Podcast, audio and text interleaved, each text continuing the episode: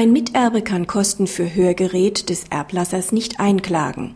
Hat ein Miterbe Kosten für die Anschaffung eines Hörgeräts des Erblassers verauslagt, kann er diese nicht anteilig zu seinen Gunsten einklagen.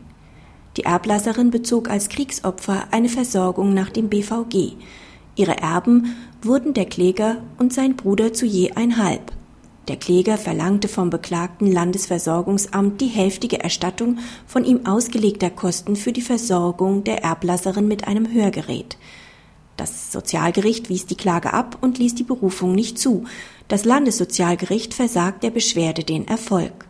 Ein Zulassungsgrund nach 144 Absatz 2 SGG fehlt. Der Kläger macht einen Anspruch seiner verstorbenen Mutter, die zuletzt in einem Seniorenheim wohnte, geltend.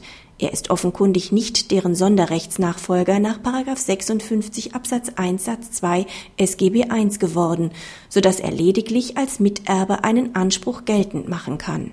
Nach 2039 Absatz 1 BGB kann er als Miterbe die Leistung jedoch nur an alle Erben, nicht an sich allein fordern.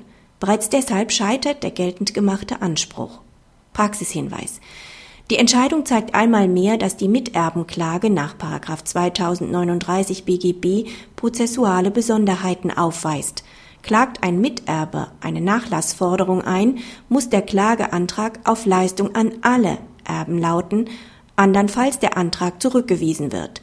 Dies gilt nicht nur in den ZPO-Verfahren, sondern auch in anderen Verfahrensarten, hier einem SGG-Verfahren. Die Einzelklagebefugnis des Miterben nach 2039 BGB bedeutet gerade nicht, dass nur der entsprechende Leistungsanteil an den jeweiligen Miterben eingeklagt werden kann.